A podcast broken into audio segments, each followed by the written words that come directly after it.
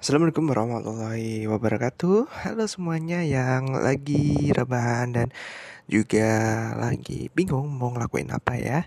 Nah kalian datang di podcast yang tepat ya Di podcast 5 menit. Di podcast 5 menit ini kita akan mengajari kalian para pendengar untuk membuat sesuatu yang unik dan kreatif hanya dalam waktu 5 menit saja. Bahan-bahannya pun cukup mudah ya dapat ditemukan di rumah-rumah kita.